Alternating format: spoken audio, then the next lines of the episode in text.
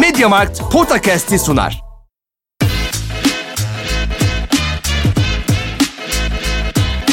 Potakast. Kaan Kural ve Orkun Çolakoğlu'yla NBA gündemine haftalık bir bakış.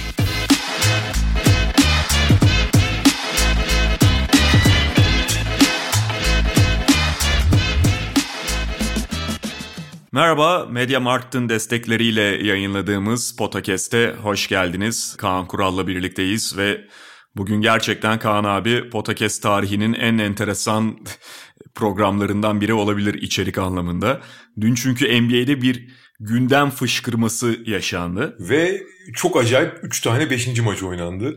Evet yani bu hani gündem fışkırması playoff'un dışında ve bir taraftan da playoff maçları oynanıyor. Hani zaten onlar dediğin gibi oldukça ilginç. Bunun yanında sakatlıklar var. Ve bunun yanında kovulan koçlar, işte yönetim kademesinde bir takımın, Dallas Mavericks'in yaşanan enteresan hadiseler biraz böyle gündemi meşgul etti. Dallas'ı sarsan bir haber vardı geçtiğimiz günlerde The Athletic'te vesaire vesaire. All NBA takımları açıklandı. İşte yılın çaylağı açıklandı. Hepsinden bahsetmeye çalışacağız. Bakalım ne kadar sürecek bu bölümümüz. Şöyle başlayalım Kaan abi. Şimdi babalar günü yaklaştı. Aa. Bir hediye bekliyor musun öncelikle? Abi Nisan Nisan'dan mı? evet. Nisan'a hediye almadığım bir hafta sonu yani Nisan'a bir şey almadığım bir hafta sonu benim için babalar günü zaten. Yani maliyeti kurtarmak yetiyor bana. Artık abi o işler size düşüyor yani. Sen alacaksın mı bana bir şey? Yani hani şey fikir önerilerine yardımlarını açayım. Abi şöyle yani gene kendi tecrübelerimden yola çıkarak söylüyorum. Kulaklık lazımdı abi. Baya bu yeni jenerasyon kulaklıklar baya iyi abi. Mediamarkt.com.tr'den de bakıyorum ben. Hı hı. Bir bak abi oraya. Kulaklık ihtiyacı varsa yani bilmiyorum hani senin babanın öyle bir şey ihtiyacı var mıdır? Ha, babalar günü demişken kendini alıyor insan. Ben kendimi aldım şahsen yani. tabii tabii sen. şey çok iyi abi. Yeni jenerasyon kulaklar hakikaten çok iyi bu arada. Yani gaming için ayrı, şey için ayrı. Yani normal günlük kullanım için. Bu yeni cep telefonlarında kulaklık çıkmıyor ya.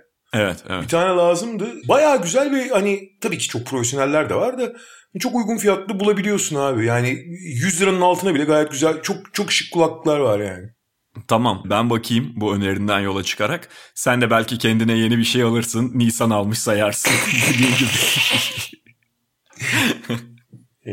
Peki NBA gündemimize geçelim. Geçelim. Yani şunla başlayalım istersen dediğimiz gibi çok fazla konu var ama özellikle sakatlıklar çok can sıkıcı vaziyette ve yani playoff'un başından beri zaten meydana geldikçe konuşuyoruz işte seriler içerisinde konuşuyoruz. Fakat gerçekten tarihi bir noktaya gidiyor bu iş. Evet. Şey anlamında sakatlıkların hem nicelik olarak fazlalığı hem de sakatlıkların niteliği ve playoff'un hemen hemen tüm serilerinin şu ana kadar sakatlıklarla etkilenmiş olması. Dolayısıyla bundan sonrasında yani suyun yönü birkaç kez değişti sakatlıklar sebebiyle. Bence yani NBA tarihinin gerçek anlamda yanına yıldız işareti konulması gereken sezonlarından biri olacak bu maalesef ve beni üzen biraz da şu hani bugünden konuşmak belki kolay ama buna davetiye çıkarıldı. Buna davetiye çıkarıldı. Yani elbette bunun arasında hani freak sakatlıklar işte çok öngöremeyeceğimiz şeyler de vardı. Bütün sakatlıkları da fikstüre bağlayamayız. Bak bu yüzden oldu denilemez belki ama bu birikmede kuşkusuz 4,5 aya sıkıştırılan 72 maçın ve üstelik önceki sezondan bu sezona çok fazla da bir ara verilmemişken bu kadar sıkışık fikstür içine girilmesinin kesin payı var. Şöyle abi onunla ilgili rakamları çıkarmışlar. Bu NBA Games Lost diye bir hesap var biliyorsundur. Bu hı hı. E, kaçırılan maçları hesaplıyor. Abi orada aslında rakamların geçtiğimiz sezonlardan çok çok ayrılmadı. Bir açıdan söyleyeceğim. Şimdi bir ayrım var normal sakatlıkların yani sezonun sıkıştırılmış olmasına bağlı olarak travma bazlı sakatlıkların çok çok artmadığını söylüyor. Fakat özellikle yumuşak doku sakatlıklarının arttığı gözleniyor. O da aslında ekstrem rakamlar değil. Fakat playoff dönemine çok sıkıştığı kesin. Ve özellikle en üst düzey oyuncularla yani en fazla oynayan oyuncular tabii ki en çok riske açık oyuncular. Çünkü abi şimdi sakatlıkları ölçmek çok kolay değil. Fakat riskin miktarını ölç yani ölçmek değil de riskin arttığı ortada. Ha riski ne kadar göze alıyorsun? Ne kadar bu riski arttırıyorsun? Bunlar hesaplanması tabii özellikle son yıllarda bunların istatistik hesapları, koruyucu önlemler falan çok artmış durumda ama bu riskin arttığı da kesin. Özellikle şimdi bakıyorsun Şimdi Cemal Murray'nin sakatlığı her sezon maalesef bazı oyuncuların başına gelen türde bir sakatlık. Keza LeBron'unki de öyle. Fakat işte Anthony Davis'in sakatlığına geldi. Kavay'ınki de öyle birazdan konuşacağız. Fakat Anthony Davis, James Harden, Mike Conley gibi sakatlıklar ise yumuşak doku sakatlıkları onlar normalin çok üzerinde. Ve bu da büyük oranda şeye bağlanıyor abi. Bu sezonun sıkıştırılmasından öte bu Covid protokolleri var ya. Ha bu arada sana verdiğim rakamlar hani sezonların dışında değil. COVID, bütün Covid ile bağlantılı olan sakatları ayırırsan böyle oluyor. Covid ile alakalıları ayırırsan, Covid protokollerini falan ayırırsan geçtiğimiz yıllardan çok çok uzaklaşmıyor sakatlık miktarı. Fakat Covid protokolü özellikle her oyuncunun her oyuncunun sabah 8.30'da kalkıp bu Covid protokolüne giriyor olması bütün bu şey düzenini, uyku düzenini, yaşam düzenini bozduğu için sıkıştırılmış sezondan çok daha büyük bir etki yarattığı söyleniyor. O yüzden evet davetiye çıkarıldı. Çok haklısın. Ama NBA'in özellikle bu Covid'de kaybedilen şeyden dolayı, gelirden dolayı bunu seçmek zorunda olduğu da bir şekilde ortadaydı. Ha ortaya çıkan bu bizi ilgilendirmez. O yöneticilerin kararı. Ben bu arada anlıyorum yani bunu böyle yapmak zorunda değil. Şimdi LeBron falan çok isyan etmiş durumda. Bunu böyle yapmak zorunda değildiniz. Hayır abi bunu böyle yapmak zorundalardı bir, bir açıdan. Daha doğrusu şöyle bunu yapmadığın zaman herkes kaybedecekti. Bunu oyuncular da yanaşmıyordu zaten. Oyunculara da oyunculara da sordular abi. Oyunculara şey imkanı verildi söyledin Ocak'ta başlayalım dendi. Oyuncular Birliği kabul ettiler şeyle başlamayı. Aralık'ta. Çünkü çıkan hesaplarda biliyorsun bu sezon şimdi kimse konuşmuyor ama sözleşmelerin %40'ı escrow tax'te tutulacak. Bugün işte 30 milyon dolar alan bir oyuncu aslında teknik olarak 18 milyon dolar alıyor. Hı hı. %40'ı escrow'da kalacak. Yani escrow'dan sonra işte gelirler hesaplandıktan sonra ne kadarının gerçekleştiği gelirlerin ne kadarının gerçekleşmediğine doğru oyunculardan da çok ciddi kesintiler yapılacak. Zaten şu anda yapılıyor. Ne kadarının geri verileceği, ne kadar saklanacağı belli değil henüz. Normalde biliyorsun %10'dur o. Yani hı hı. sezon sonu hesaplarına göre eğer gelirler düşerse o %10 ödenmeyebilir. Şimdi %40'a çıkarıldı o. Sezon sonunda bayağı bir tantana kopacak o yüzden bence. Neyse sonuç itibariyle bizi ilgilendiren tarafa dönersek yani idari olarak bunun kapitalizmin vahşiliğini falan filan bunları uzun uzun başka bir podcast'in bizden daha uzman insanların podcast'inin üzerinden konuşulabilir. Ama hani bize dönük tarafına bakarsak da ortaya çıkan tablo korkunç abi. Hakikaten korkunç yani.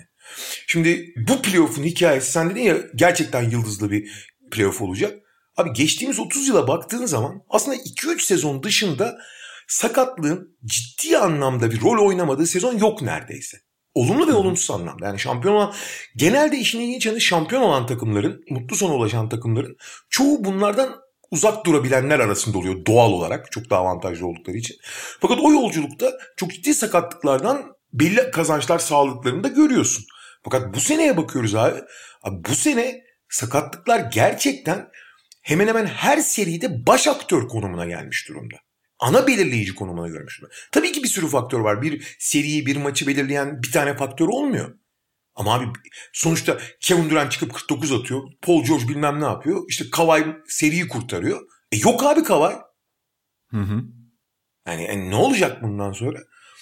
Şimdi bu sene yani şu anki ikinci tur serilerine bak abi. Her birinde zaten çok ciddi bir Tabii. sakatlık söz konusu. Tabii. Yani biten seriden başla Phoenix Denver zaten Jamal Murray yok. Hani tamam playoff'ta oluşmadı bu sakatlık ama Jamal Murray'nin yokluğu söz konusu zaten. Üzerine bir de Michael Porter Jr. sorun yaşadı. İşte Will Barton zaten sakattı. Böyle birikiyor. Artık Chris Paul da belki hani seri bitmese aynı problemi yaşayabilirdi ya da ilk turda o da problem yaşadı. E, Utah Clippers anlatmaya gerek yok. Kawhi Leonard şimdi en son maalesef henüz resmi açıklama olmasa da çapraz bağının koptuğundan şüpheleniliyor. Şöyle abi orada hemen küçük bir şey yapayım. Sorun çapraz bağında deniyor. Fakat kopmadığı kesin. Şeyden dolayı onun bir testi var. Maçtan sonra o testi yapıyorlar. Kopmadığı kesin. Ama sonuçta burkulmuş da olsa, hafif yırtılmış da olsa tedavi süreci, iyileşme süreci inanılmaz uzun. Ha hiçbir şey olmamış olabilir. Sadece bir ödemden dolayı olabilir deniyor ACL bölgesindeki. En düşük ihtimal o zaman bile bu seride oynaması çok zor deniyor ama kop yani en azından iyi haber kopmadı. Bu arada hani burkulması bile 3-4 aylık tedaviler gerektirebiliyor onun. Yani şiddetine bağlı olarak ama kopmadığı kesin tek iyi haber o yani. Zaten Mike Conley diğer tarafta oynayamıyor. Ibaka mesela bahsedilmiyor ama Clippers Tabii. için önemli bir oyuncuydu. Sezonu kapattı o da Hı-hı. tekrar ameliyat oldu. E Donovan Mitchell, konferen... Donovan Mitchell burkuk bilekle oynuyor.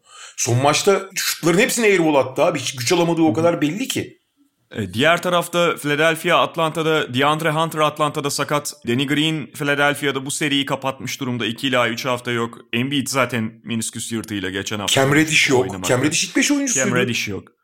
Milwaukee Brooklyn'de de hani Kyrie Irving sakatlandı. Öncesinde Harden yoktu. Irving sakatlandıktan sonra Harden döndü ama yani cismen döndü açıkçası. Ha, 46 dakika oynadı falan ama yani 46 dakikada 5 sayı atabilen Harden mı olur zaten? Jeff Green yoktu döndü. Evet. Şey Dante DiVincenzo yok diğer tarafta. Dante DiVincenzo yok diğer tarafta. Yani böyle bir hani bak bu sadece ikinci tur serileri. Tabii. Bunun bir de öncesi var. Bundan önce işte LeBron, Anthony Davis'ler. Boston'ın tamamen parampa... Boston, Jalen Brown evet. Boston serinin son maçında ilk 5'in 4 oyuncusundan yok. Tek bir tek normal ilk 5'ten Jason Tatum'la çıktı mesela. Evet. Ya burada şöyle bir şey var abi bana göre. Hani e, sen de söyledin evet bir taraftan pandemi sonrasında maç sayısı konusunda biraz eli daralmıştı NBA'in ve mecbur kaldılar. Ancak şöyle iki sorun var abi. Birincisi bu kadar sıkışmış bir fikstürde bu sezonun en önemli hikayelerinden biri ne oldu? Bizim de aramızda çok konuştuğumuz yani ulusal kanal maçları dahil çoğunda zaten takımlar eksikti. Hı hı. Sadece somut sakatlıklarla değil, load management yaptılar, işte en ufak sakatlıkları oyuncuları dinlendirmek için kullandılar, öyle raporladılar haklı olarak. Ya ulusal kanal da bundan bir fayda elde edemedi ve e, totalde düştü NBA'in reytingleri. Artı şimdi playoff senin en fazla meyve alman gereken nokta. Daha ikinci turdasın. Ha, ortada adam kalmadı.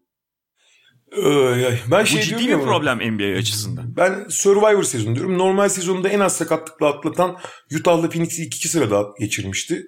Belki biraz da Philadelphia. İşte Atlanta'da hani sakatlıklardan görece daha az zarar görmüştü. Gene onlar devam ediyorlar. Ve Phoenix belki de bu sezonun en az sakatlıkla uğraşan takımı. Gerçi playoff'ta onlar da işte Chris Paul'ü önce tuhaf bir sinir sıkışmasıyla hani etkisi azalmıştı ama onu tamamen atlatmış gözüküyor. Zaten son maçta gördük. Şimdi bir Covid protokolü var ama ayakta kalan resmen açlık oyunları gibi ya. Ayakta kalan kazanacak bu sezon. Evet. Maalesef öyle. Peki hani geçelim playoff serilerine. Bütün bu sakatlıklarla birlikte değerlendirmek durumundayız ama serileri konuşalım. Ve Doğu Konferansı'yla başlayalım abi. Sırayla gidelim istersen yani. Philadelphia Atlanta ile başlayalım. Başlayalım. Dün Philadelphia Philadelphia'lığını yaptı. ve 26 Değil mi? İki maçtır yapıyor sağ olsun. Öyle ve 26 sayıdan verdiler. 3-2 öne geçecekken 3-2 geriye düşmüş durumdalar ve 6. maç için Atlanta'ya gidecekler. Yani 4. maçta da özellikle ikinci yarı performansları felaketti. Onu da 18'den verdiler. Evet evet. Hadi şöyle bir şey var. En azından oradaki 18 ilk yarıda şeydi. İkinci periyotta mıydı? Ortaya çıkmış olan bir farktı ve yani deplasmandasın işte yavaş yavaş inen bir fark söz konusu. Embiid de felaket bir günündeydi. Biraz daha özrü ortada olan bir maçtı Philadelphia açısından. Ya bu tam saçmalık oldu. İç sahada ikinci yarıda 26 sayılara çıkarmışken farkı. Kontrol edemedin ondan sonra özellikle son periyotta rakibi. Ve şimdi şey kazanmak zorunda oldukları maçı deplasmanda oynamak durumundalar. Yani istersen hani konuşmadığımız bölüm olduğu için 3. maçtan itibaren de alabiliriz sen bilirsin. Valla üçüncü maçtan itibaren Philadelphia aslında direksiyona geçmiş gibi gözüküyordu. Yani üçüncü maçta iki tane pozisyon var ikinci yarıda. Topu aldıktan sonra Philadelphia geliyor ve bomboş turnike atıyor. Yani Atlanta teslim olmuş gözüküyordu. Hani geri koşma konsantrasyonunu yitirmiş, biraz vazgeçmiş. Hak, hakikaten şey gibiydi. Teslim olmuş bizim bunlara gücümüz yetmiyormuş gibi gözüküyordu. Seri 2 bile geldikten sonra öyleydi. Fakat ondan sonra abi iki tane maç oynandı ki Şimdi bu arada Atlanta'nın hakkını teslim edelim. Sonuçta bu kadar genç, bu kadar tecrübesiz bir takımın öyle bir psikolojiye girmiş. Karşısında fizik olarak çok daha üstün. Abi Capella'ya çocuk muamelesi yapıyor Embiid ya. Yani kabası oyundayken. Ki Capella abi, Capella bu ligin en önemli pota altı savunmacılarından biri yani. 2-10 boyunda 120 kiloluk devasa bir adam ama abi Embiid'in yanında hakikaten çocuk gibi kalıyor yani. Embiid ne isterse yapıyor ona karşı kesişme falan getirmen gerekiyor Embiid'e. Yani ha Capella çok kişi zaten şey yani ulan Capella da bir şey yapmıyor. Madem iki kesişme getiriyorsun bari Gallinari oynat da hücum gücün artsın falan diye düşün. Ben de öyle düşündüm zaman zaman. Şimdi fizik olarak çok üstünler ivme yakalamış bir Philadelphia var çok iyi geliyor falan. Üçüncü maçın sonunda böyle bir tablo var. Dördüncü maça geliyorsun. Abi 18 sayı öne geçmişsin. Çok iyi oynayan bir Embiid. İkinci yarı abi Embiid batırdı o maçı. Hakikaten batırdı ki hı hı. bu Embiid'in geçtiğimiz yıllarda çok gördüğümüz bir tavrıydı. Sen hani hep şey onun kondisyonuyla ilgili söylersin. Yorulunca iyice saçmalıyor diye. Fakat ben zihin olarak da çok çocuk karakterli bir adam olduğu için geçtiğimiz yıllar için konuşuyorum. Ee, en büyük özelliği neydi? İki tane iyi şey yaptıktan sonra bir tane saçma sapan şey yapacak özgürlüğü olduğunu zannederdi eskiden. Fakat bu sene hiç görmemiştik onları. Bu sene gece kampa başladığı günden itibaren çok daha konsantre, çok daha bir sporcu kimliği şey yapılmış, güncellemesi gelmiş. Oyundan hiç düşmeyen, saçma sapan işlere hiç kalkışmayan bir Embiid varken maalesef bu dördüncü maçın ikinci yarısında bizim orijinal yani bu, bu senenin önceki Embiid'i gördük. Ne kadar saçma şeyler yaptı abi. Ha, öyle böyle saçma şeyler yapmadı. 12'de sıfır atmasından bahsetmiyorum. Yani kullandığı bazı atışlar iyice sinirlenip hani ya ben burada atarım falan demeler, savunma dikkatini kaybetmeler. Ha. Bunun üzerine bir de gidip gene maç topu yani son topa kaldı. Son topu da gidip bu kadar kötü oynayan Embiid'le kullanıyorsun be abi. Ya Doug Rivers da bir tuhaf. O maçı ama senin de söylediğin gibi bir şekilde kaybettiler. Embiid ama çok daha zihnen hazır gelmişti. İkinci maç. Beşinci maç bir başladı. Evinde oynuyorsun. Philadelphia'da. Iverson orada. Dr. J orada. Ortam yıkılıyor falan. Bir başladılar maça. Embiid zaten dümdüz ediyor şeyi. 8'de 8 ile başladı. Furkan atarak başladı. Acayip bir ortam. Paramparça ediyorsun. Seth Curry zaten iyice ritmini bulmuş. Her şey iyi gidiyor tamam mı? Hı hı. Abi 26'ya kadar çıkarıyorsun farkı. O sırada bu yalnız ha şey Atlanta'nın sana en çok problem yaratan oyuncularından biri tabii ki Trey Young başta. Fakat Trey Young'ın yanında ikinci top yönlendirici o sahadayken de sağ dışındayken de daha önce bulamadığı için çok zorlanıyor Atlanta. Bogdanovic çok ciddi bir rol oynuyor. Zaten kritik şut atmaktan falan. Hiç çekinmiyor. Çok etkili. New York serisinde ne kadar etkili olduğunu görmüş. Bogdanovic de bu maçı kötü oynuyor bir de. Evet. Yani kötü başladı bugün. Hatta Hurter'da yani şutör ha, en önemli evet. şut desteği olarak. Şimdi sonuçta DeAndre Hunter devreden çıktığı için oraya Salomon Hill'i yerleştirmeye kalkıştı. Hiç olmadığı ortaya çıktı. Çünkü Salomon Hill'i yerleştirdiğin zaman ne oluyor? Hani fizik olarak çok üstün Philadelphia. Salomon Hill biraz dengeler diyorsun. Dengeleyeceği falan yok ki abi. Hani hem fizik olarak dengeleyemediğin gibi bir de bu sefer yetenek olarak geriye düşün. Salomon Hill sıfır çünkü. Ha, oraya Hurter'i aldı en azından toplu oynar vesaire. Abi Hurter felaket. Bogdanovic felaket. E, Trey Young'ın üzerinde zaten Ben Simmons var. Fiziksel olarak falan çok yapıyordu. Üçüncü maçı çok zorlamıştı Trey Young'ı. Zaten çok fizik farkı var. İyi güzel her şey gidiyor. Burada yalnız Atlanta'nın abi geçtiğimiz yıllardan farklı olarak opsiyonları var abi. Özellikle Galinari kenardan gelip hani bir şey üretmeden sayı atabildiği için ve süper yani inanılmaz sayıda serbest atış çizgisine gittiği için seni skorda tutabiliyor Galinari eğer iyi durumdaysa. Galinari girdi ve hakikaten farkın daha da abartmasına engel oluyor. O iki yarı o 25'te falan bitecekti yoksa yani. Hı hı. Fakat ikinci yarıda bir şey oldu ki abi, böyle bir şey olmaz, çöküş olmaz ya. Biliyorsun deli gibi yuvalandılar maçtan sonra. Abi, Hatta maç bitmeden yuvalamaya başlamıştı. Philadelphia seyircisi. Yani onlar da ayrı arıza zaten hep konuşuyoruz. 104-102 galiba Sixers öndeyken bunlar e, şeydi artık yeter kaybediyorsunuz bunda diye yuvalamaya başladılar. Abi şimdi Lou Williams maçı çevirdi tamam mı? Aha. Çeviren en önemli oyuncu. Tamam Trae Young da çok iyi oynadı ki Trae Young 39'la bitirdi. Yani harika oyun. Fakat abi maçı çeviren Lou Williams. Yani takım tam teslim olmuşken Lou Williams, şimdi Lou Williams'ı biliyoruz abi. Yıllardır değişmedi. Yani son iki yıldır düştü ve bu sene bayağı kötüydü Lou Williams. Lou Williams artık eskisi kadar öyle hareketli falan değil. Yani kendisine iyi bakmadığı, iyi bir sporcu olmadığı için biraz yetenekleri çok hafif şey oldu. Atletik yetenekleri azaldı ve zaten sıfır savunma yapan bir oyuncular biraz atletik yeteneği azaldığı zaman biraz şutu girmediği zaman tamamen eksi yazıyor Lou Williams. Hiç oynatılmıyordu Clippers'da hatırlarsın. Hı. Oynatılamıyordu zaten. Yani sahaya çıkaramıyorsun ki savunması yüzünden. Abi Lou Williams maçı çeviriyor. Tamam çok da iyi attı falan ona hiçbir şey demiyoruz. Fakat abi Lou Williams'ın üzerine gitmiyorlar. Yani Lou Williams'ın sahada tutulamamasının sebebi savunmada kimsenin önünde kalamıyor Lou Williams. Yani Lou Williams'ı kim tutuyorsa basket oluyor. Bak bitti. Hiç bu kadar. Formül bu kadar basit. Abi Lou Williams'ı sağdan atamıyorsun. Abi son 4,5 dakikanın skoru ne biliyor musun? Son 4,5 dakikaya 5. maç 2-2'lik seride maçın son 4,5 dakikasının skoru 15-0 abi. 10 sayı öndeyken 15-0. Son iki sayıyı saymıyorum. Seth Curry'nin nokta bir attı, kala attı. Anlamı yok çünkü onun. Yani hani ite kaka orada bir tane nefes aldıracak bir tane basket bile bulamıyorsun. Bir ite kaka da olsa. Abi bir tane bile bulamıyorsun ya. Böyle şey olur mu? Tüm ikinci yarıda, tüm ikinci yarıda Seth Curry ve Embiid dışında basket atan yok. Burada abi çok yalnız önem ya bu tarihin gördüğü en büyük şey çoklardan biri yani çuvallamalardan biri. Yani böyle bir şey olmaz. Tarihte olmaz yani. Atlanta'nın hakkını yemeyeyim ama Atlanta da çok bir şey yapmadı. Hani Lou Williams biraz ateşledi. Gallinari attı falan. Trey Young zaten böyle ortamları sever. Onlar bir şeyler yaptılar yani. Hani çok da ekstra bir şey yapmadı abi Atlanta. Çok ekstra hani Durant gibi falan ekstra anormal şeyler sokmadılar yani.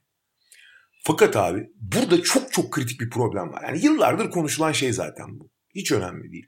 Hani yeni hikaye değil. Fakat Ben Simmons'ın abi varlığı bazı şeyleri o kadar zorlaştırıyor ki. Ve burada bu zorlaştırmayı çok daha artıran bir faktör. Buradan şeye bağlayacağım. Yanis'e bağlayacağım. Abi ben Simmons bu playoff'ta şu ana kadar 53'te 18 foul attı biliyor musun? Evet. 53 serbest atışın 35'ini kaçırdı. Kim maç içinde Heke, Heke Simmons'la yaptılar. Yani taktik foul de yaptılar. 53 servisin 35'in. Şimdi bu zaten başlı başına bir problem değil mi? Yani foul, rakibi foul yapıyorsun. Foulleri atamadığı için hücum boş dönüyorsun. Bu başlı başına bir problem hmm. teorik olarak. Fakat bunun bir de yansıması var.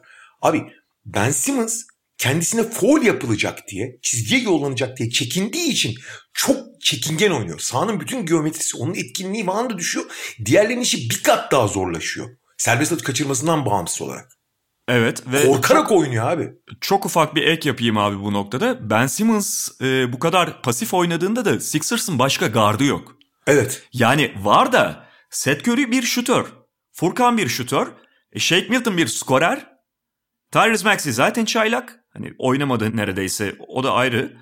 E, George Hill de etkisiz. O da onun da skor tehdidi çok düşmüş Aynen. durumda. Dolayısıyla Ben Simmons oynamadığında sen işte şey yapıyorsun. Bu son 4,5 dakikada sayı atamayan hale geliyorsun. Çünkü hücumun hiçbir şekilde işlemiyor.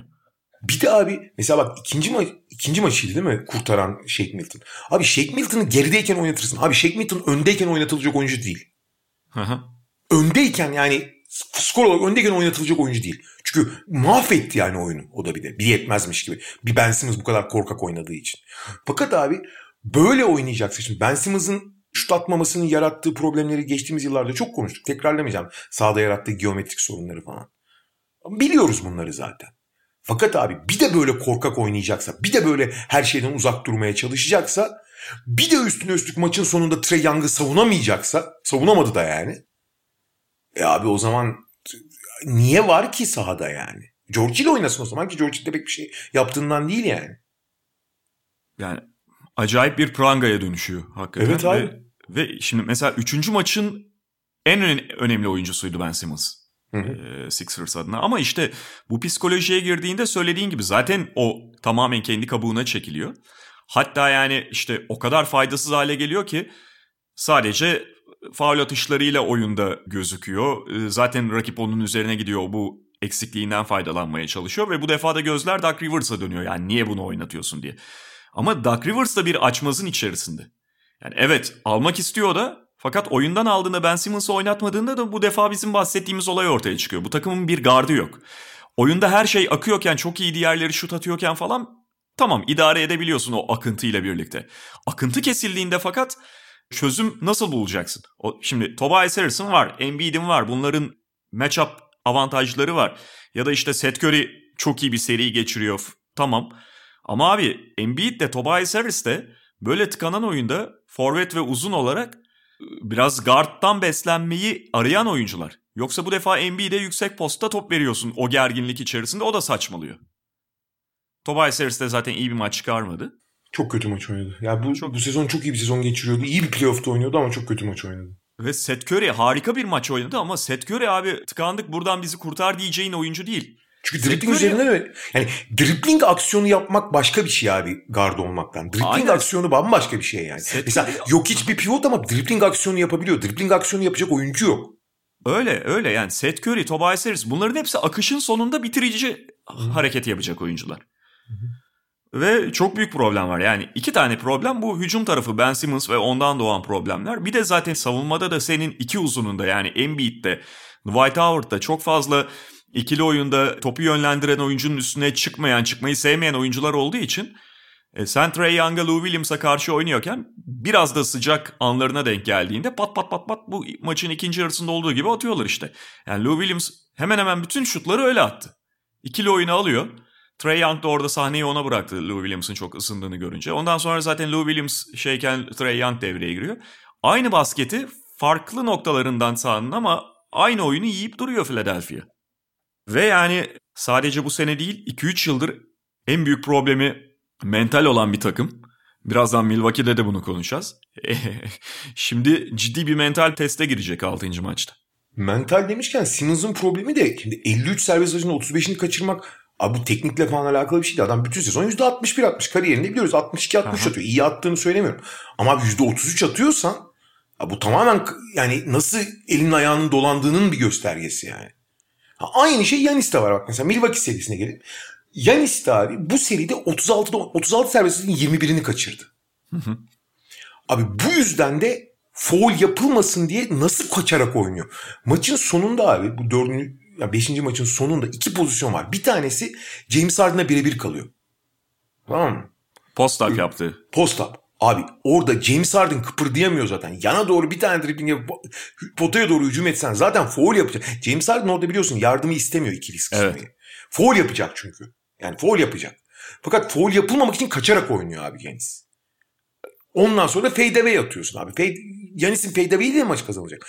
Sonra abi maçın maç topu iki sayı geride abi Milwaukee. Chris Middleton ortaya verdi. Yanis'e verdi. Yanis elinden düşürdü hatırlıyor musun? Hı hı. O pozisyonda da yani son top Abi o pozisyonda da Yanis tamamen bana foul yapmadan bir an evvel atayım diye telaşlandığı için topuk elinden kaçırdı. Direkt yükselmeye çalışıyordu foul gelmeden önce. Abi şimdi böyle oynadığın zaman etkinin acayip şey. Bu arada abi şimdi yani Antetokounmpo hani gerçekten çok özel oyuncu falan da abi burada herhalde gene Mike Budenholzer'a yazacak ama abi bu kadar senedir neleri yapıp neleri yapmadığını bu kadar çözememiş bir oyuncu da olamaz yani. Abi hala hani yüzde 16 ile foul üçlük atıyor. Hala gelip üçlükler atıyor. Hala kaçarak oynuyor. Yani o şeyi bir kere ikna edebilsen, anlatabilsen ya kardeşim istersen 20'de 0 foul at. Önemli değil. Senin potaya gidip baskı kurman, rakibi foul problemine sokman yeterli diye anlatabilsen buna ikna edebilsen ve sürekli o yırtıcı normal sezonda gördüğümüz iştahlı Yanis gibi oynasa abi zaten hareket edemeyen bir sürü savunmacıyla oynuyor Brooklyn. Boston serisinde gördük abi. Boston nasıl paramparça etti? Nasıl foul problemine soktu? Sağlıklı 3 yıldızda sağlıklıyken Brooklyn'i yani. Geçmiş olduk bu arada Milwaukee evet. Brooklyn'e. Devam edelim abi oradan. Yani şöyle bir şey var. Biz işte en son 2-0'dan sonra geçen hafta Potakest'te konuşmuştuk. Üçüncü maçta da hatta yanlış hatırlamıyorsam birlikteydik yayında. Artık bu arada çok karışıyor ama yani o gün Milwaukee kazandı ama şeydi kazandı fakat serinin devamına da dair umutlanacak bir şey yoktu. Evet çok kötü bir Brooklyn vardı o gün. Çok kötü bir Brooklyn. Milwaukee tarafından baktığında berbat bir galibiyet. Yani o, yani. son derece kötü oynanarak alınmış bir galibiyet. Ve şey yani maçın sonunda işte Bruce Brown o den yolu yapmasa işte Kevin Durant maçın sonunu iyi oynuyordu ama genelinde maçın o kadar kötü oynamasa kendi standartlarına yakın olsa falan filan şeydin o gün de kaybetmiştin 3-0 geriye düşmüştün. Fakat sonra dördüncü maçta malum Kyrie Irving'in sakatlığı yaşandı ki Kyrie Irving sakatlandığında Brooklyn öndeydi. Daha ilk yarıdaydı belki ama maç... Hem 13 sayı falan öndeydi ya. Evet çift taneli öndeydi ve şu yani hani ilk yarıda önde olmanın belki o kadar da maçın sonuna dair şey anlattığı bir şey olmayabilir ama Brooklyn yine ritim bulmuştu. Hı. Ve maçın gidişatı ha Brooklyn yine ele geçirdi oyunu ve işte bu defa üçüncü maç gibi olmayacak dedirten şekildeydi. Sonra Kyrie Irving sakatlandı ve zaten ABC yayında da sık sık ekrana gelmişti. Yani Kyrie Irving sakatlandıktan sonra bir kere takımın şut yüzdesi çakılmış durumda ama Irvingsizliği daha net anlatan top kaybındaki artıştı. Nets'in yaşadığı. Ve Hiç... abi ve abi dripling üzerinden aksiyon diyorum ya. Abi driplingle aksiyon yapabilecek iki oyuncuya iniyorsun. Biri Durant, biri Mike James. Mike James'in ne kadar güvenilmeyeceğini biliyoruz. Yani ne kadar sorunlu bir oyuncu olduğunu. Diğer tarafta Durant toplu üreten hem üreten hem atan oyuncu olarak iki, iki rol birden kaldıramaz abi. Sıkışıyor sürekli. Zaten o bitirici ve şey yani ikinci yönlendirici olmak zorunda olursa. Pas yeteneğini bana çok geliştirdi Durant. Belki elit seviyede değil yani Lebron seviyesinde falan ama çok geçti. Ne olursa olsun abi sen onu o rolde kullanmak istemezsin ama onlarda da driplingle üretecek oyuncu kalmadı bir anda. Biraz senin şey, Philadelphia için söylediğin durum. Kyrie gidince Harden da olmayınca abi driplingde kimse bir şey üretemiyor. Tabii. Kimse ama. Ve nitekim 5. maça da Milwaukee zaten iyi başladı. Bu defa onlar da daha iyi oynuyordu. Sen de yayında bahsettin. Yani bu defa Milwaukee de kendi oyununa daha yaklaşmıştı. Brooklyn'in zaten problemleri devam ediyor. Farkı açmışlardı falan. Ve Harden da işte biraz önce bahsettiğimiz gibi sahada ama cismen sahada. Hani Harden etkinliği gösteremiyor kesinlikle James Yok Harden. Ama yani özellikle ikinci yarıdan itibaren öyle bir Kevin Durant performansı izledik ki yani zaten dünden beri haklı olarak bu performansın Kevin Durant'in kariyerinde hangi noktaya yerleştirilmesi gerektiği e, gerektiği konuşuluyor ve Kevin Durant hem kendi gibi oynadı hem Kyrie Irving'i yerine oynadı bir parça hem de Harden'lık yaptı. Hatta onun üstüne bir de DeAndre Jordan'lık yaptı. Evet Artık abi. DeAndre Jordan Nets'in planlarında yer almıyor belki ama bir de rakibin uzunlarına rebound avantajı vermedi. 17 rebound aldı. Yani 3 kişilik falan oynadı dün Kevin Durant. Valla abi şeyden geri dönersek en son ben Durant'e geleceğim. Harden'ın sahada olması yalnız. Şimdi Harden 45 dakika oynadı abi bu arada. Yani tek ayak üzerinde 45 dakika oynadı. Onda bir şut attı çünkü üçlükleri yetişmiyor güç alamadığı için. Hiçbir tehdidi yok. Savunmada kıpırdayamıyor bile. Black Griffin bile ondan çok daha fazla kıpır hareketli gözüküyor. Buna rağmen abi niye 45 dakika oynadılar? Çünkü abi driblingle oyunu yapabiliyor. En azından çok hareket edemese, penetre edemese bile doğru pas alıyor. Yani Durant ilk topu alan oyuncu olmuyor. İkinci topu alan oyuncu olduğu zaman Durant etkinliği çok da artıyor. Bu- Buna işlevlik kazandırdı. Bu çok önemli. Ve çok büyük özveriyle oynadı abi. O halde falan basketbol oynanmaz yani. Hani Harden'a bazen haklı olarak bazı konularda çok eleştiriliyor ama yani burada gösterdiği özverinin haddi hesabı yok yani. Hani hakikaten yürüyem yani tek ayak üzerinde seke seke oynadı adam bütün maçı yani. Hiçbir şey de yapamadı. Doğal. Normalde oynanmaz abi öyle. Fakat oynandı. Yani bu Durant'in yapabileceklerini yapması için belli bir fırsat verdi. Joe Harris'ten çok şey bekliyorlardı ki Joe Harris biliyorsun Boston serisinde muhteşem oynamıştı. Fakat bu seride bir düşüşte bir shooting yani şut formsuzluğunda ve gene feci istediği bütün şutları buldu. 7'de bir üçlük attı abi Joe Harris. Ki Joe Harris'in bu şut tehdidi diğerlerinin hayatını çok kolaylaştıran bir unsur ve en önemli skor opsiyonlarından biriydi. Fakat Joe Harris çok kötü atıyor bu seride zaten. Bu maçta da çok kötü attı. Bruce Brown'u hiç oynatamıyorsun çok büyük olduğu için Milwaukee. Bir ekstra katkıyı bir Jeff Green'den aldılar abi. Yani Jeff Green 8'de 7 üçlük attı zaten. O çok çok önemliydi. Bir şekilde skorda tuttu özellikle ilk yarıda. Yoksa ikinci yarıda bunların hiçbiri kolay kolay olmazdı yani. Şeyi de söyleyeyim. Landry Shamet da kenardan gelip çok az bir katkı verdi. Fakat diğer taraftan abi Milwaukee bence ilk 3 çeyrek itibariyle son çeyrekte tabii işler karışınca onlar da korkmuş duruma geldiler ama serinin en iyi maçını oynadı aslında. Sen de biraz evvel söyledin onun bir kere altını çizeyim. Milwaukee kendi prensiplerini işte fiziğini kullanarak Yanis'in çok daha fazla potaya giderek oynadığı Drew Holiday'in sürekli switch yapıyor Brooklyn. Bu switch'ten sürekli kaçarak değil switch'in üzerine giderek oynadıkları falan bir maç oynadılar. İlk üç çeyreği çok iyi oynadılar. İyi şut attılar bir kere her şeyden önce. Yani içeriği sürekli şeyin hareketini Brooklyn'in hareket problemlerini zorlayan içeri doğru yönlenerek pot altını zorlayıp oradan dışarı boş üçlükleri bularak oynadılar. Ve o boşlukları çatır çatır da soktular abi. Abi yani Milwaukee ilk defa 3 çeyrek itibariyle bu seride Milwaukee yani iyi bir takım gibi gözüktü. Buna rağmen işte Jeff Green'in katkısıyla şu öyle ya da böyle bir şekilde skordan Fakat abi abi Durant öyle bir basketbol oynadı ki sen diyorsun yani kariyerinde nerede diye. Bence Durant'in kariyeri kariyer maçı. Kariyerin en iyi maçı. Onu geçtim. NBA tarihinde abi çok sayılı performanslardan biri. Bir kere ben 51-8-8'den beri bu kadar iyi maç görmedim. 51 LeBron'dan. se- Efendim? LeBron'un Lebron'u diyorsun. Evet final serisinin ilk maçı. 2018 final serisinin ilk maçı.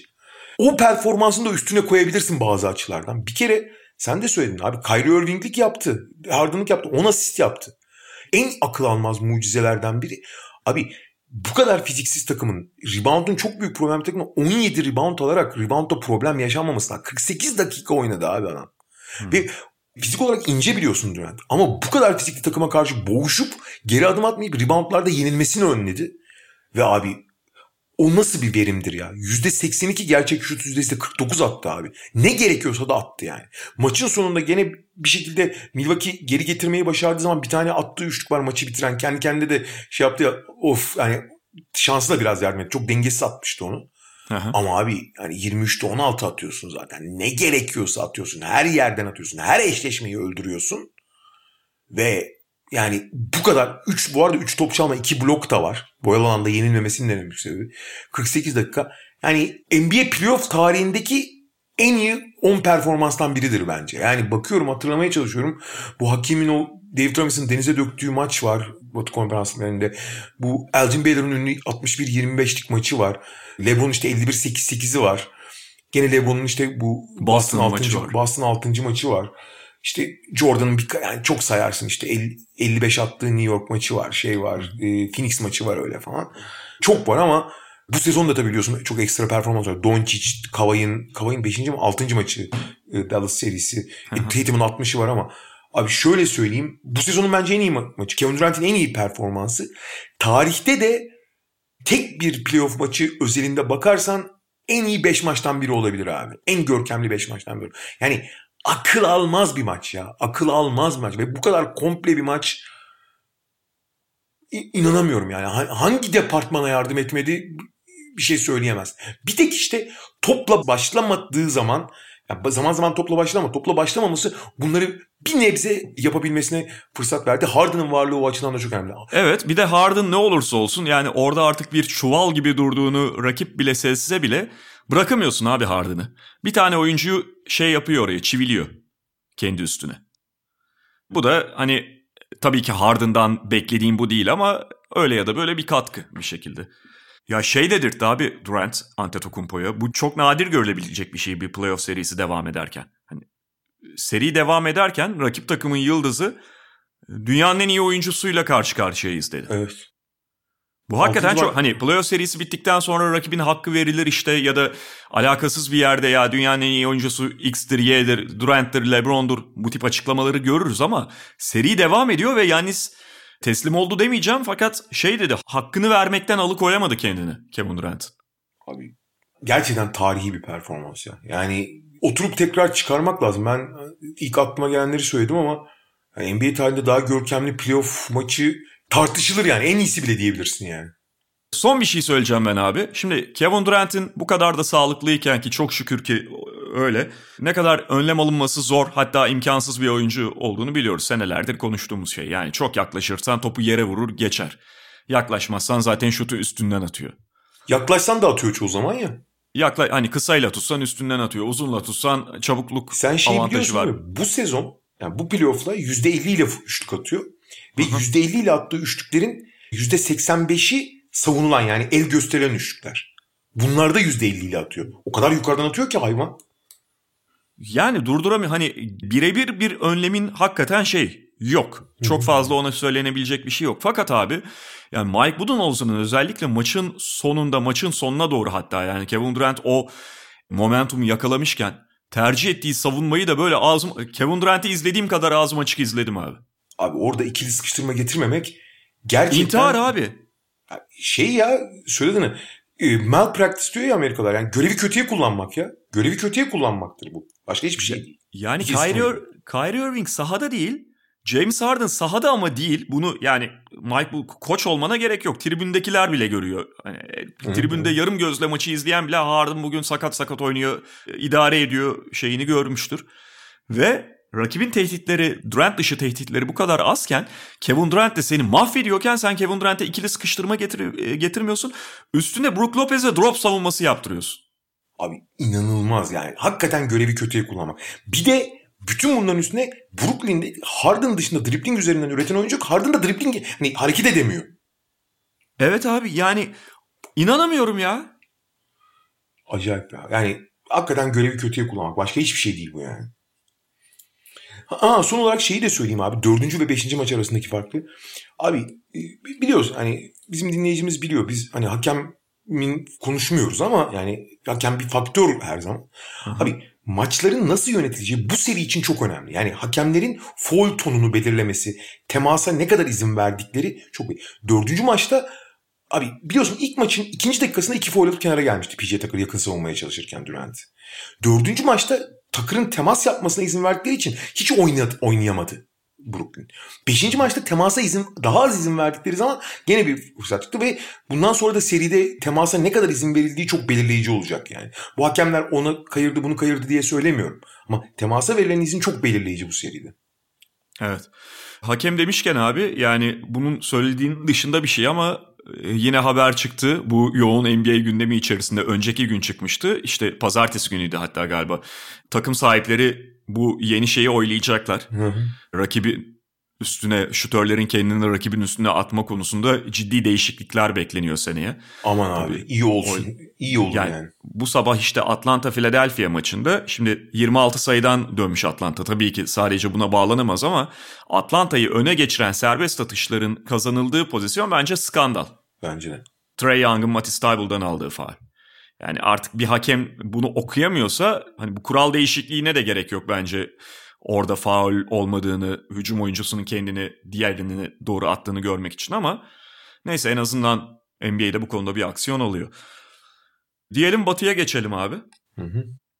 Clippers Utah serisinde de durum 3-2'ye geldi Kawhi Leonard'ın yokluğuna rağmen. Yani şöyle bir durum vardı bence. Daha 3. maçın içerisinde belli olan. 3. maçı farklı kazandı e, şey Los Angeles Clippers ama hala Utah öndeydi sonuçta 2-1. Fakat abi 3. maçtan itibaren serinin gidişatının Clippers lehine döndüğünü hissediyordum ben. Çünkü şey top trafiği Mike Conley'nin yokluğunda Utah'ta hiç işlemiyor. Sıfır. Ve Utah evet iyi şutör bir takım fakat top trafiğinin sonunda o şutları bulan ve o şutlarda yüksek yüzde yakalayan bir takım. Yani Utah yine yüksek yüzdeyle oynuyordu. Üçüncü maçta da belli bir miktarda oynadılar. Fakat top trafiği neticesinde değil Donovan Mitchell'ın işte Jordan bazen Clarkson. Jordan Clarkson'ın bireysel hücumlarıyla bu yüzdeyi ve şutları bulmuştu. Ve Clippers'la birebir oyun yarışına girerseniz rakipte Kawhi Leonard ve Paul George var. Nitekim dördüncü maçta biraz benzer şekilde gelişti. Yani Clippers zaten ilk yarıda yumruğu vurdu. Utah'ta yine bu bireysel hücumlarla, dış şut performansıyla bir noktaya kadar farkı tuttu. Yani en azından çok erken kopup gitmesini engelledi maçın. Fakat sonra Kawhi Leonard'ın sakatlığı meydana geldi ve bir anda 5. maçta kağıt üzerinde yine Utah avantajlı gözüken taraftı. Mike Conley hala dönememiş olmasına rağmen. Ama Clippers kazandı yani. Paul George'un çok büyük performansı yanında Ray Jackson, Marcus Morris ile oradan çıkmayı başardılar ve Utah'ta da yine bu bahsettiğimiz problemlerin zaten Mike Conley'nin yokluğunda devam ettiğini gördük. Mike Conley bir çeşit e, Chris Paul light gibi orada. Yani Chris Paul'un Phoenix'te yarattığı etkinin light versiyonu yaratıyor. Nitekim Memphis serisinde hatırlarsan abi Mike Conley orada o top trafiğinin o top trafiği olmasa ikili oyunların baş şeyi sorumlusu ve bunların olması lazım. Memphis serisinin dördüncü maçını hatırlarsan abi Utah öne geçmiş e, sonra Memphis yavaş yavaş yakalayıp sonunda yakalamış ve maçı 14-2 bitirmişti Utah. Aha. Hani geriye düşmüştü Utah. Ve abi Conley inanılmaz kontrol etmişti oyunu ve bütün seriyi kontrol etti. Şimdi Conley olmadığı zaman abi bir ikili oyun oynayacak tek opsiyon Ingles kalıyor. Ve o ikili oyunlardan Conley kadar verim alıyor. Conley çünkü yani Ingles evet pek çok şey yapabiliyor ama tek başına yeterli. Çok floater bölgesinden de çok atmıyor. Sadece ya üçlük atıyor ya pas veriyor. Conley çok daha hareket ediyor. Sahanın değişik yerlerine girip bütün savunmanın geometrisini bozuyor. Zaten Clippers her şeyi switch ettiği için o switch'e saldırmak çok önemli. Ingles saldırmıyor switch'e. Ve sen üçüncü maçta dedin ya seri belirlenmişti. Abi üçüncü maçta Clippers nihayet çözdü Utah'ı nasıl savunacağını. Ve Utah'ın o e, hareketini durdurabilecek şeyi çözdü. Fakat Conley olsa bütün bu switchlere saldırıp switchlerdeki bütün boşlukları görebiliyor. Switchlerin zayıf noktalarına, zayıf karınlarına saldırmayı biliyor. Conley. Conley olmadığı zaman abi nitekim abi 5. maça geldiğimizde işin ilginç yanı ilk yarıda Donovan Mitchell 3 mü 4 mü ne top kullanmıştı. Niye? Çünkü her şey işliyordu ilk yarıda. Hı hı. Abi ilk yarıda bir şut atarak başladı Utah maça. Zaten 6'da 6 başladı Bogdanovic üçlüklerde. Fakat takım halinde de on, ilk çeyrek 15'te 10 attılar zaten. İlk yarıda 15 üçlük soktu. Utah şey gibiydi. Ben maçın içinde yayındaydım abi şey dedim. Yani bilgisayar oyunlarında rage quit diye bir şey vardır. Hani sinirlenip rakibin oynadığı oyuna şey interneti kapatırsın ya da bilgisayarı fişten çekersin yani. Abi öyle bir durum yarattılar yani. Böyle bir şut performansı yok ki Utah zaman zaman bunları yapabiliyor. Ve Clippers iyi şut atıyordu bu arada. Ha. Clippers da çok iyi üçlük atıyordu ama Utah daha fazla atıyor. O sayede yalnız Clippers oyunda kalmayı başardı. Ve Paul George abi bu maçta hakikaten Durant light bir performans sergiledi. Normalde olağanüstü diyeceğim ama Durant öyle bir maç oynadı ki hani onun hafif, tabii ki gölgesinde kalıyor. Ama aynı Durant'in yaptığını bir, bir light versiyonunu yaptı. Mesela 16 rebound aldı abi Paul George'da. Şeyin 17 reboundu gibi. Kevin Durant. Orada mesela en büyük çünkü zaten kısa 5 oynadığın zaman ne yapıyorsun? Oradan risk alıyorsun. O reboundlarda ezilmemen lazım. En azından belli bir dengeyi koruman lazım. 16 rebound aldı. 35 sayı attı. Her yerde sorumluluk aldı.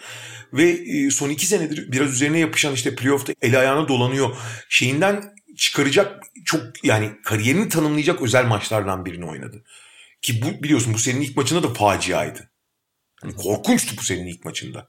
Yani ilk maçı onun yüzünden kaybettiler zaten. Ama hani o da Durant vari bir Durant light bir performans sergiledi. Reggie Jackson zaten bu playoff'u inanılmaz oynuyor. Onunla işte çok iyi şut atarak Marcus Morris'le falan ilk yarı o korkunç Utah'a karşı sistemi çalışan, Donovan Mitchell'a ihtiyaç kalmayan Utah'a karşı çok kopmadı ona. Bakın ikinci yarı ile birlikte Utah tamamen şeye döndü abi. Mitchell atıyor, Clarkson atıyor. Mitchell atıyor, Clarkson atıyor. Evet. Bogdanovic yani 6'da 6 ile başlayan Bogdanovic'e top gelmemeye başladı. Royce O'Neal gibi işte Niang gibi nokta şut attıkları zaman verimli olan ama başka çok az şey yapabilen oyuncular hiçbir şekilde devreden çıktı. Ve abi izolasyon oynarsan bir sen at bir ben atayım diye birebir oynarsan abi yenemiyor. Yani kavaysız bile yenemezsin kolay kolay şeyi Clippers'ı. Nitekim ikinci yarı bu seri, yani ilk yarı Utah'ın ikinci yarı bu serinin geldiği noktayı gösterdi bize bence. Ve oradan da e, maçın sonunda mesela oyun sıkıştığı için Donovan Mitchell'la birebir deniyorlar ki Donovan Mitchell bunu özellikle mesela ilk turda Utah serisinde bayağı yapmıştı. Ya da bu sezonun özellikle sakatlıktan döndükten sonra çok yapıyordu. Çok da güveniyorsun. Acayip şeyler sokuyor. Kaybettikleri iki maçta da muazzam sokmuştu hatırlayacaksın ama o da mesela bilek, bileğini tekrar burktu. Fakat bu maçta gördün ki güç alamıyor. Abi 3 tane airball attı maçın sonunda ya. 3 evet. air, 3 tane maçın kaderini belirleyecek topta airball attı. Ve yani mesela Clippers'ta işte Ray Jackson müthiş maç oynadı. Son çeyrekte de hakikaten e, ekstra diyebileceğin soktuğu şutlar var. İşte Terrence Mann o Rudy Gobert'in üstünden attığı. O acayip. Tam smaç değil de yani şey üstünden attığı diyeyim. Bir de üçlüğü vardı Terrence Mann'in galiba son çeyrekteydi hmm. o da. Hmm. Hani bu tip ekstra katkılar aldılar. Fakat ya Clippers şanslıydı diye bir sonuca varamayız. Çünkü dediğin gibi Utah da ikinci yarıda trafik olarak tamamen durdu. Tamamen durdu abi. O ilk yani, yarıdaki şut isabetli falan gelmemesinin en temel sebeplerinden biri o trafik. Tamam kötü daha da kötü attılar ama trafik sıfır abi. Ya Queen Snyder, hatta, Queen Snyder hatta o son çeyrek başındaki röportajda şey dedi yani artık biz hani içeriye sokup topu oradan hareketle şutları bulmuyoruz. Temel farklılık o, o yüzden girmiyor gibisinden bir teşhiste bulundu ki doğruydu. Ee, ama devam etti o tıkanıklık Utah Jazz'de. Sonda da bulduklarında biraz hani top trafiği üzerinden buldukları Ingles'ın falan şutları var ama orada da oyun çok sona gelmiş ve e, Utah kovalayan böyle 5-6 sayı geriden kovalayan baskı üzerinde olan tarafta o şutları atmak tabii biraz daha zorlaşıyor. Bu arada Conley'nin bu maçta oynaması bekleniyordu ama bir gün önceki idmanda e, tekrar çok hafif bir ödem oluşmuş. Hı. Ve şimdi 6. maçta oynayıp oynamaması da çok büyük soru işareti. E, bir yani tedavi sürecinde bir küçük olsa bir aksama olmuş deniyor. Kanlı olmadığı her senaryoda yani tahmin etmek çok güç. Clippers'ın yalnız abi şimdi ilk turu ikinci turu düşünürsem ben bu yolculuğu biraz 2019 Toronto yolculuğuna çok benzetiyorum. Yani Kavay yani herkes dağılmışken ne rotasyon belliyken ne kimin ne yapacağı belliyken savunma prensipleri belli değilken bir şekilde takımı taşıdı abi. Gerek Dallas serisinde gerek bu seride. Fakat yavaş yavaş rotasyon da oturmaya başladı. Mesela Rondo'yu tamamen artık şeye taca çıkarmışlardı. Beşinci maçta tekrar döndü ama hani Rondo'nun olmayacağını anladılar. Terence Mann'e daha çok güveniyorlar. Switch savunmasındaki sorumluluklar, görev paylaşımları belli. Ve Clippers'da o inanılmaz titrek, inanılmaz kendi ayağına çelme takan hava gitmiş gibi gözüküyor. Hı hı. Utah bence Kavay'ın olmadığı her senaryoda hala avantajlı. Çünkü Paul George'un her zaman böyle oynamasını bekleyemezsin böyle iyi şut atmasını bekleyemezsin Clippers'ın. Utah her zaman patlama yapabilecek bir takım. Her zaman yüksek üretim sağlayabilecek takım. Her ne kadar Clippers onları savunmada çözmüş gözüküyor olsa da. Ama hani programın başında konuştuk zaten abi. Kavay'ın abi ya bak gene canım çok abi mesela belki Clippers beklentilerinin altında kaldığı için belki hani Clippers takım halinde şey olduğu için kendi kapasitesini çok sergileyemediği için göz ardı ediliyor ama abi Kavay olağanüstü bir playoff yaşıyordu ya. Yani evet. şu ana kadar playoff'un en iyi oyuncusu dersen ben Kavay derim mesela. Playoff'un şu ana kadar MVP'si bence Kavay'dı. Her ne kadar takımı aynı şeyi yapamasa da. Ve abi adamlar gittiler Kavay'ı kaybettiler ya. Yani hani ve işte rakipte de sakatlık problemleri varken belki bu turu bir şekilde geçme imkanları var şimdi. Bir galibiyet kaldı zaten önlerinde. Fakat programın başında bahsediyorduk. Yani uzun süreli olması beklenen bir sakatlık ve Kavaysız nereye kadar gidebileceksin? Yani bu sakatlık muhtemelen bu playoff'tan bir şampiyonluk adayını daha aradan çekti aldı. Evet. O da çok acı bir durum. Peki çok kısa Phoenix Denver'la ilgili bir şeyler konuşup zaten çok seri olmadı. Süpürülmeyle bitti işte 3 ve 4'ü de kazandı Phoenix. Ondan sonra da şeylere geçeriz abi. Koç değişikliklerine. Ya Phoenix Suns'ın evet Denver karşısında da rakibin işte Jamal Murray'den zaten yoksun Denver Michael Porter Jr.'ın sakatlığından geçen hafta da bahsediyorduk ve o da en önemli ikinci skorerlerini Murray'nin yokluğundaki en önemli ikinci skor opsiyonlarını belli ölçüde kısıtladı. Zaten Will Barton sakatlıktan geliyordu. Bunlardan elbette bir avantaj Phoenix sağlıyor kendine. Phoenix'e bir avantaj geliyor. Ama diğer taraftan hem Lakers karşısında hem Nuggets karşısında gösterdiği gibi Suns'ın şu anda muhtemelen en iyi ligin yani playoff'un en azından en iyi basketbol oynayan takım olduğunu da söylemek gerekiyor. Rakipten bağımsız yani oyun düzeniyle, top trafiğiyle, sürekli o topun hareket etmesiyle, hatta savunma disipliniyle, e, herkesin kendi rolü dahiliyetinde bu işe girmesiyle en komple basketbol oynayan takım Phoenix Suns. En devamlı yüksek takım abi. Hem savunmada hem hücumda. Yani hiçbir savunma ve hiçbir hücumda Phoenix'in akıcılığını ve görev paylaşımında bir karmaşa olduğunu hissetmiyorsun. Burada şey çok önemli abi. Chris Paul'in en büyük özelliği top kaybını az yaptığı için hücumun gelişi güzel bitmi, bittiği ya da işte paldır küldür sakar bir şekilde bittiği hiçbir hücum olmuyor. O yüzden abi zaten oyuncular da çok disiplinli olduğu için herkes görevi hücumdaki görevi neyse yapmaya devam ediyor ve hiç sekteye uğramıyor bu. Çünkü sekteye uğradığı zaman oyuncuların dağılması kafalarının gitmesi de mümkün. Yani işte mesela Embiid'in ikinci yarıda yaşadığı o başka alemlere gitmek de mümkün. Aynı şey savunma için de geçerli abi. Savunmada rotasyonlar, yardımlar. Geçen seneki Miami'nin sırrı da oydu mesela. Savunma devamlılığı en yüksek takımdı. 24 saniyenin sonuna kadar savunmadan şey yapmıyorlar. Odaklarını kaybetmiyorlar. Dağılmıyorlardı. Phoenix'te de abi o disiplin ve o özveri, o e, takımdaşlık çok gelişmiş durumda. Ben bu kadar yüksek devamlı olan takım görmedim uzun zamandır. E, ve bundan acayip besleniyorlar. Çünkü aslında biraz kısıtlı bir takım Phoenix. Yani DeAndre Ayton evet hücumda çok önemli bir çıkış yakaladı playoff'ta. Ama abi Michael Bridges, Jay Crowder gibi isimlerin düzenli olarak çift taneli çıkması tamamen sistemin ve devamlılığın çalışması sayesinde.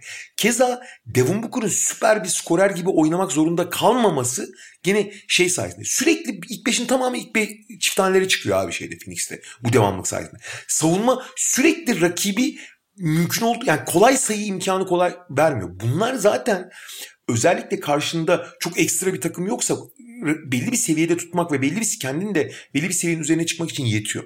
Ama abi bu serinin son maçında aslında Denver bir denge bulmuştu. Çünkü Will Barton biraz daha iyileşip biraz daha dakika almaya baş, başlayabilecek duruma gelince ilk, yani Campazzo ve Austin Rivers'la hücum edemeyeceğini anlayıp Will Barton'la Montemoris'i ilk 5'e almıştı. Montemoris özellikle üç, ikinci ve üçüncü maçta çok ayak kırıklığıydı.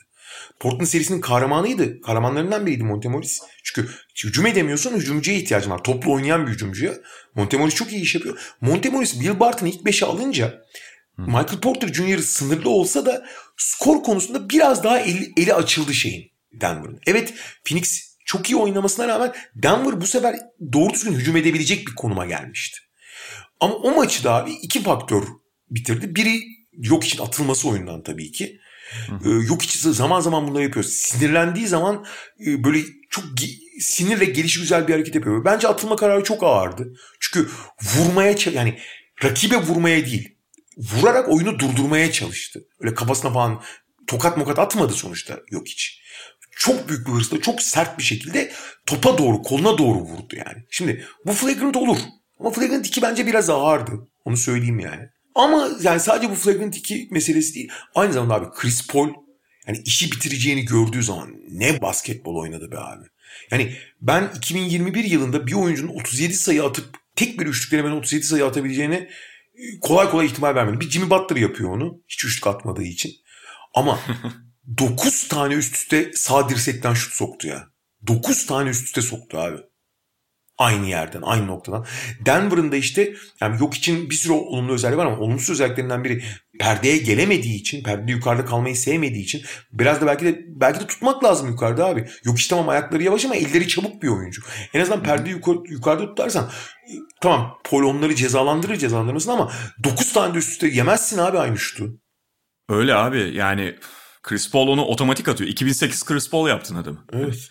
Ve e, şimdi şöyle bir şey de var. Hani yok için evet ayak çabukluğu dezavantajından çekiniyorlar ve o yüzden belki çok yukarıya çıkarmamak istiyorlar ama aslında Chris Paul'la birlikte o hareketi devam ettirmeye çalıştığında Chris Paul sonuçta kopup gidebilen bir anda potaya doğru uzun şey yanındaki rakipten ayrılabilen bir oyuncu değil. Yani Chris Paul da onu istemiyor. Ee, Chris Paul'a en çok istediği şutu veriyorsun. Bu kadar da iyi bir gününde olduğunda zaten sana şans bırakmıyor yani. Sen kısmen görece dediğin gibi daha iyi hücum ettiğin bir günde bile rakip akıyor olduğu için yine onlar kadar atamıyorsun ve süpürüldüler. Ama yine bir haber geldi ve bu sezon sakatlıklardan en az etkilenen ve bu işte açlık oyunları sezonunda şampiyonun artık biraz favorisi konumuna geçen Phoenix'e de bir kötü sürpriz oldu.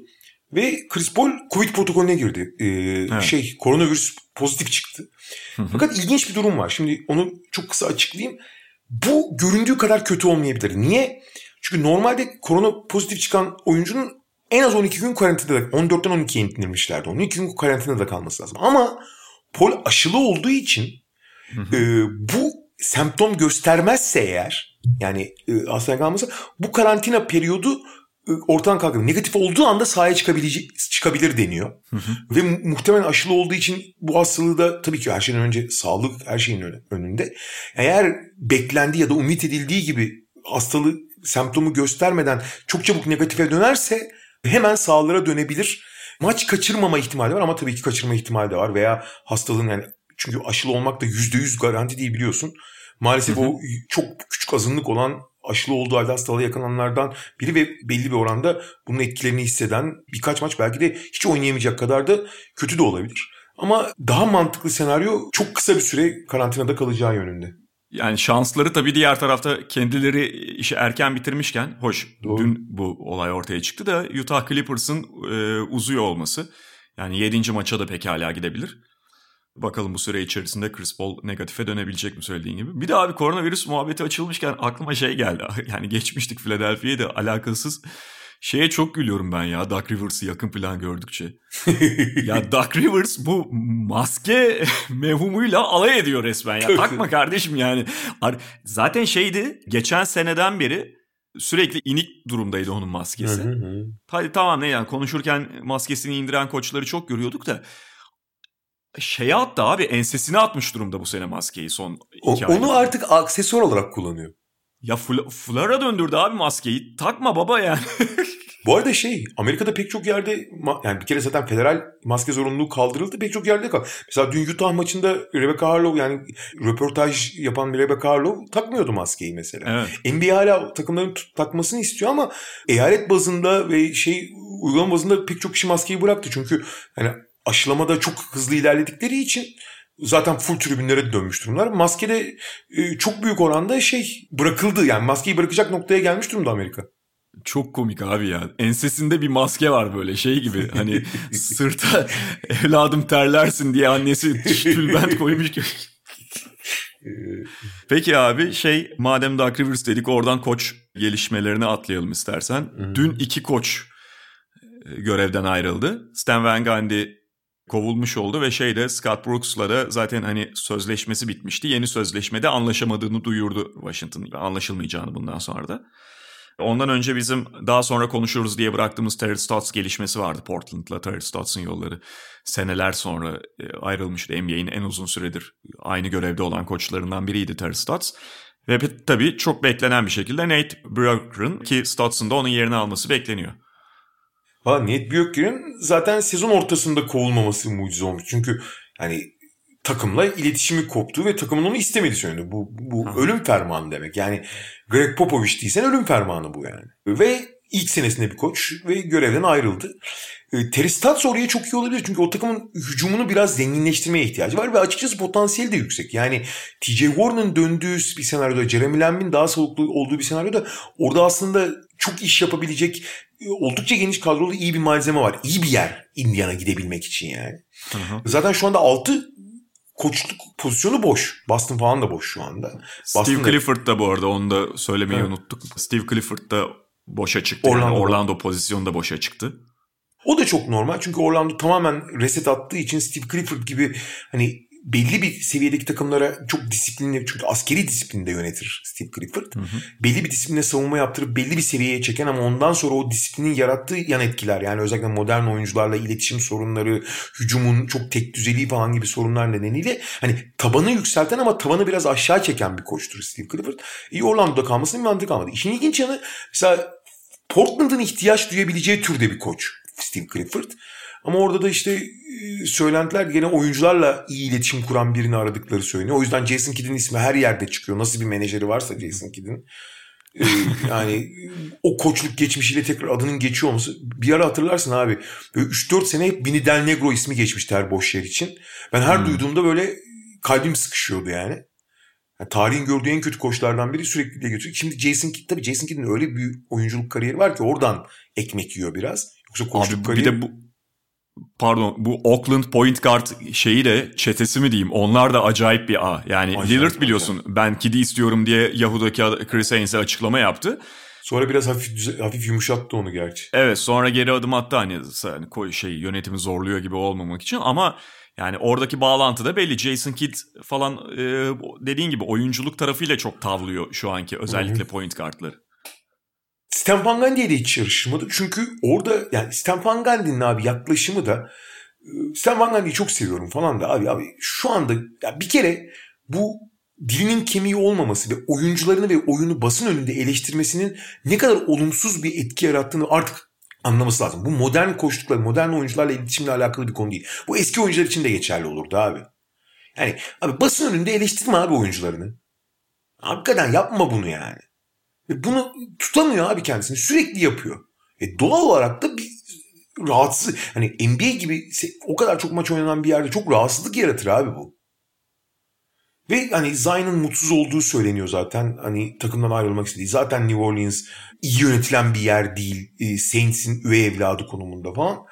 Ama çok beklenen bir şekilde Stan Van Gundy ayrıldı. Fakat orada işler şeyde karışmış. Şimdi David Griffin'in yeri de çok sallanmaya başladı. Çünkü o getirmişti Stan Van Gundy'yi. Bir sene içinde kovuyorsun. Dört senelik kontrat yaptığın adamı bir senede kovuyorsun. Hiç ilerleme kaydedemiyorsun. Diğer personel tercihlerinden bağımsız. Ee, ve Zion Williamson nihayet Zion Williamson performansı vermeye başlamıştı ki belki de Stan Van Gundy'nin Stan Van Gundy iyi bir sezon geçirmedi orası kesin. Yani ne olursa olsun bir takım ligin en kötü savunmalarından biri ise bu koça yazar abi. Hani eldeki malzemenin savunma için sorunlu olması bir tarafa. Evet çok sorunlu bir malzemeydi bence. Ee, yani Lonzo Ball hiç göründüğü kadar iyi bir savunmacı değil. Ingram problemli, Zion problemli. Steven Adams eski nesil bir uzun hiç savunma katkısı artık çok düşük.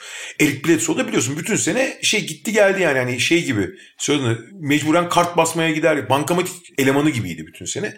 Şimdi o ya Josh Hart dışında kendini veren oyuncu yok. Ya o, o malzemeden savunma yapmak çok zor ama bu kadar da olmaz abi. Yani tek iyi yaptığı şey bence bu sene Zion Williamson işte oyun biraz mecburiyetten o bu arada. Lonzo Ball, Nicole Alexander Walker falan hepsi sakatken mecburen oyun kurucuya iyice evirdi. Ve esas büyük Zion etkisini gördük. Ama şimdi bakıyorsun abi Zion Williamson 3. sezonuna giriyor. 3. farklı koçla. Ya bu nasıl bir düzen ya? Scott Brooks hocamla Washington yolları ayırdı. Oh be abi. Ama yani hani Wizards söz konusu olunca bundan sonraki tercihlerinin çok böyle oh dedirtecek bir tercih olacağından da emin olamıyor insan. Doğru ama en azından bence ligin en kötü koçuydu. Yani Aha. yıllardır böyle bu yani. Çok iyi ilişkileri vardır. Hem yönetimle hem oyuncularla falan. Russell Westbrook falan çok seviyor zaten onu. Ama yani çok kötü bir koç olduğu gerçeği hiçbir zaman değişmedi. Kendini zaman içinde bence Oklahoma döneminden biraz daha iyi şu anda. Ama yani bu kadar yani koçluk seviyesinin bu kadar arttığı bir ortamda abi idare edemezsin artık Scott Brooks'la yani. Kısaca All-NBA takımlarından da bahsedelim, bahsedelim abi son abi. olarak. Dün açıklanmıştı, önceki gün açıklanmıştı onlarda. Birinci takım Stephen Curry, Luka Doncic, Kawhi Leonard yani Antetokounmpo ve Nikola Jokic şeklinde. Yani takım takım gidelim istersen. Hı-hı. Burada bir hani itirazımız var mı şeklinde. Valla çok itiraz edecek bir şey yok. Yani benim tercihim Lillard'ın ilk beşte olmasıydı Doncic yerine. Hı-hı. Ee, ama hani Doncic'in de hiç yani hak etmediğini söyleyemeyiz. Ee, şey biraz banko gibiydi yani Yanis Curry ve Jokic banko gibiydi. Yani Kawhi ve Doncic olmuş. Kawhi'nin orada olması her ne kadar sezon sonunda sakatlık ve biraz maç kaçırdığı için belki hani biraz tartışılabilir ama bence ben olsam ben de Kava'yı koyardım. Doncic, Herkes maç kaçırdı bir de o da var. Evet. Ya, Doncic'in olmasında da bir sakınca yok. Ben olsam Lillard'ı koyardım ama Doncic de gayet hak, hiç hak etmediğini kimse söyleyemez yani. Ee, ikinci takım Damian Lillard. Ya bu arada ben de Lillard hani Doncic'in hafif önündeydi diyorum. Ama çok büyük bir itiraz noktası değil o da. İkinci takım Lillard, Chris Paul, LeBron James, Julius Randle, Joel Embiid şeklinde. Ya burada e, sezon içinde de konuşuyorduk. Gerçi All NBA takımları üzerinden değil ama Chris Paul mu burada olmalıydı emin değilim. Ben de. O sadece dikkatimi çeken konu diyebilirim. Valla Julius Randle'da e, biraz yaşattığı gelişim ve New York'a liderlik etmesi sebebiyle e, göründüğünden yani şimdi playoff görüntüsünü tamamen bir kenara bakıyorum. Normal sezon seçim bu. Ama normal sezonda da aslında bu kadar iyi miydi bir tartışma. Ben Li- Julius Randle'da evet çok büyük gelişim gösterdi. New York'a büyük liderlik etti. Bu onun e, yaptığı işleri biraz olduğundan daha fazla gösterdi gibi geliyor bana. Bence Julius Randle'ın ikinci beşte olması da biraz ekstra olmuş yani. E, Mesela bence e, gerek giremeyen, bence giremeyen bir kişi için itirazım olacak zaten. Jason Tatum'da, Jimmy Butler'da bence daha iyi sezon geçirmişlerdi Julius Randle'dan. Biraz dediğim gibi o göz boyamış olabilir diyeyim yani. Hani e, ama dediğim gibi burada çok ufak ayrımlar var. Ben bir tek Julius Randle'ın hani ikinci beşte olması bana biraz fazla gibi geldi. Keza Chris Paul'u da kötüyorum. Chris Paul da bence ikinci beşte olmamalıydı. Julius Randle'ı çok az maç kaçırmış hatta hiç mi kaçırmadı? Bir maç kaçırdı galiba sadece. Ha, bir... O da biraz öne çıkardı muhtemelen. Bilmiyorum ne kadar şey yapıldı da. E, bu kadar fazla maç kaçırılan bir sezonda. Ya tabii ki dediğin gibi hani New York'un hikayesi falan da etkili oldu insanların oylarında. Ama benim de burada temel e, şeyim Julius Randle'dan öte Chris Paul. Ve üçüncü takımda da Bradley Beal, Kyrie Irving, Jimmy Butler, Paul George, Rudy Gobert var. Ya buna da çok fazla itiraz etmeyeceğim ben. Ben sadece Tatum'un olması gerektiğini düşünüyorum. Tatum'un olması Harden da tabii biraz haksızlık edildi. Harden sezonu sakat bitirdi. Sezonu kötü başladığı için ama Harden aslında çok iyi bir sezon geçirmişti arada. Yani maç kaçırmaları diğerleriyle kıyaslandığında çok aşırı değil. Ama Harden, Kyrie dediğin zaman Kyrie şimdi genel toplamda Kyrie'yi de öne koymak lazım. Hani kimi çıkaracaksın? Birini çıkarman lazım sonuçta birini alması gerekiyorsa. Hı hı. Ben bir tek şöyle giremeyenler arasında bir tek Tatum'un girmesi gerektiğini düşünüyordum. Ama kimi çıkaracağın konusuna geldiğinde işte orası biraz karışıyor. Ve ben Paul George'un garda kayması gerektiğini düşünüyorum şahsen. Ben açıkçası Tatum'u Kyrie'nin de belki de Chris Paul'un bile önüne yazabilirdim. Ee, Tatum'un girmesi gerektiğini düşünüyordum şahsen. Tatum mesela Julius Randle bu arada yani bu, bu iyiydi bu kötüydü diye söylemiyorum. Ama hani bulundukları konum ve algı açısından Julius Randle'ın biraz evvel bahsettiğim sebeplerden dolayı yaptığı işlerin biraz daha iyi gözükmesi gözüktü. İşte New York'a liderlik etti, kendini geliştirdi falan. Tatum da aynı şekilde biliyorsun Tatum sezon ortasında açıklamıştı. Covid'den dolayı bazı günler hiç nefes alamadığını söylüyordu. Tatum'un arada böyle işte e, 4-5 tane şey maçı var abi. 17'de 3, 17'de 2 attığı falan. Yani korkunç gözüktüğü bir iki maçı var arada. Yani hakikaten facia oynadığı yani. Onların da genel performansı üzerinde biraz gerekenden daha negatif etki yarattığını düşünüyorum. Tatum biraz daha kötü gösterdi onları. Julius Randle'ı biraz daha iyi gösteren faktörler var, çevre faktörleri. Tatum'u da bu faktörler yani o arada korkunç kötü oynadığı maçlar olduğundan kötü göstermiş gibi gözüküyor. Ben ama e, Tatum'un net bir şekilde olması gerektiğini düşünüyordum şahsen. Ama e, genel toplamda da öyle aşırı itiraz edeceğim bir şey de yok yani listelerde onu da söyleyeyim. Çünkü zaten bu e, jüri panelini çok daha bütün ligi genel olarak takip eden iyi gazetecilerden seçtiklerinden bir seçmeye başladıklarından beri bu seçimler büyük oranda sağlıklı oluyor zaten ya. Paul George konusunda ben de aynı fikirdeyim. Yani sezon içinde de konuşmuştuk galiba kendi şeylerimizi verirken. E, çünkü Paul George garda yazılması gerekiyor. Nikola Batum ve Kawhi Leonard'la birlikte çıktı bütün sezon ilk beş. Evet. Yani Bir en, en sonunda işte Batum yerine Marcus Morris gelmişti gene yani. Ha, yani forvet vardı yanında iki tane. Dolayısıyla o zaman mantıken Paul George da guardtı gibi hareket edilebilirdi. Ve o da ciddi sayıda maç kaçırdığı için bence guard'daki rakiplerinden hani geriye düşmesi gerekiyordu ki forvette de yani sadece forvet üstünden değerlendirildiğinde de Tatum vesaire işte öne çıkıyor zaten bence de Paul George'un. Durum bu. En iyi çaylakta beklendiği gibi Lamelo Ball seçildi. Ee, Benim beklediğimden biraz daha fazla fark almış. Anthony Davis sezonu çok iyi bitirmişti ve Lamelo sakatlıktan döndükten sonra çok kötü oynamıştı. Ama Lamelo'nun sezonun orta bölümünde ve daha rekabetçi bir ortamda oynaması daha da etkili olmuş. Benim beklediğimden daha etkili olmuş. Bayağı farkla kazandı Lamelo. Ama zaten ilk iki net onlardı yani. Hani üçüncü sırada Tyrese Haliburton oldu ama Tyrese Haliburton'da dördüncü arasındaki fark da çok fazla Sadik Bey. Ama ilk iki sıra net Lamelo ve Anthony Edwards olarak ayrıldı. Çok da sürpriz olmadı zaten. Peki konudan konuya daldan dala atladığımız bir podcast bölümü oldu. Playoff'un dışında da yoğun gündemin katkısıyla. Bugünlük bu kadar diyelim o zaman. Mediamarkt'ın destekleriyle yayınladığımız podcast'te haftaya tekrar görüşmek üzere. Hoşçakalın. Hoşçakalın. Mediamarkt Podcast'i sundu.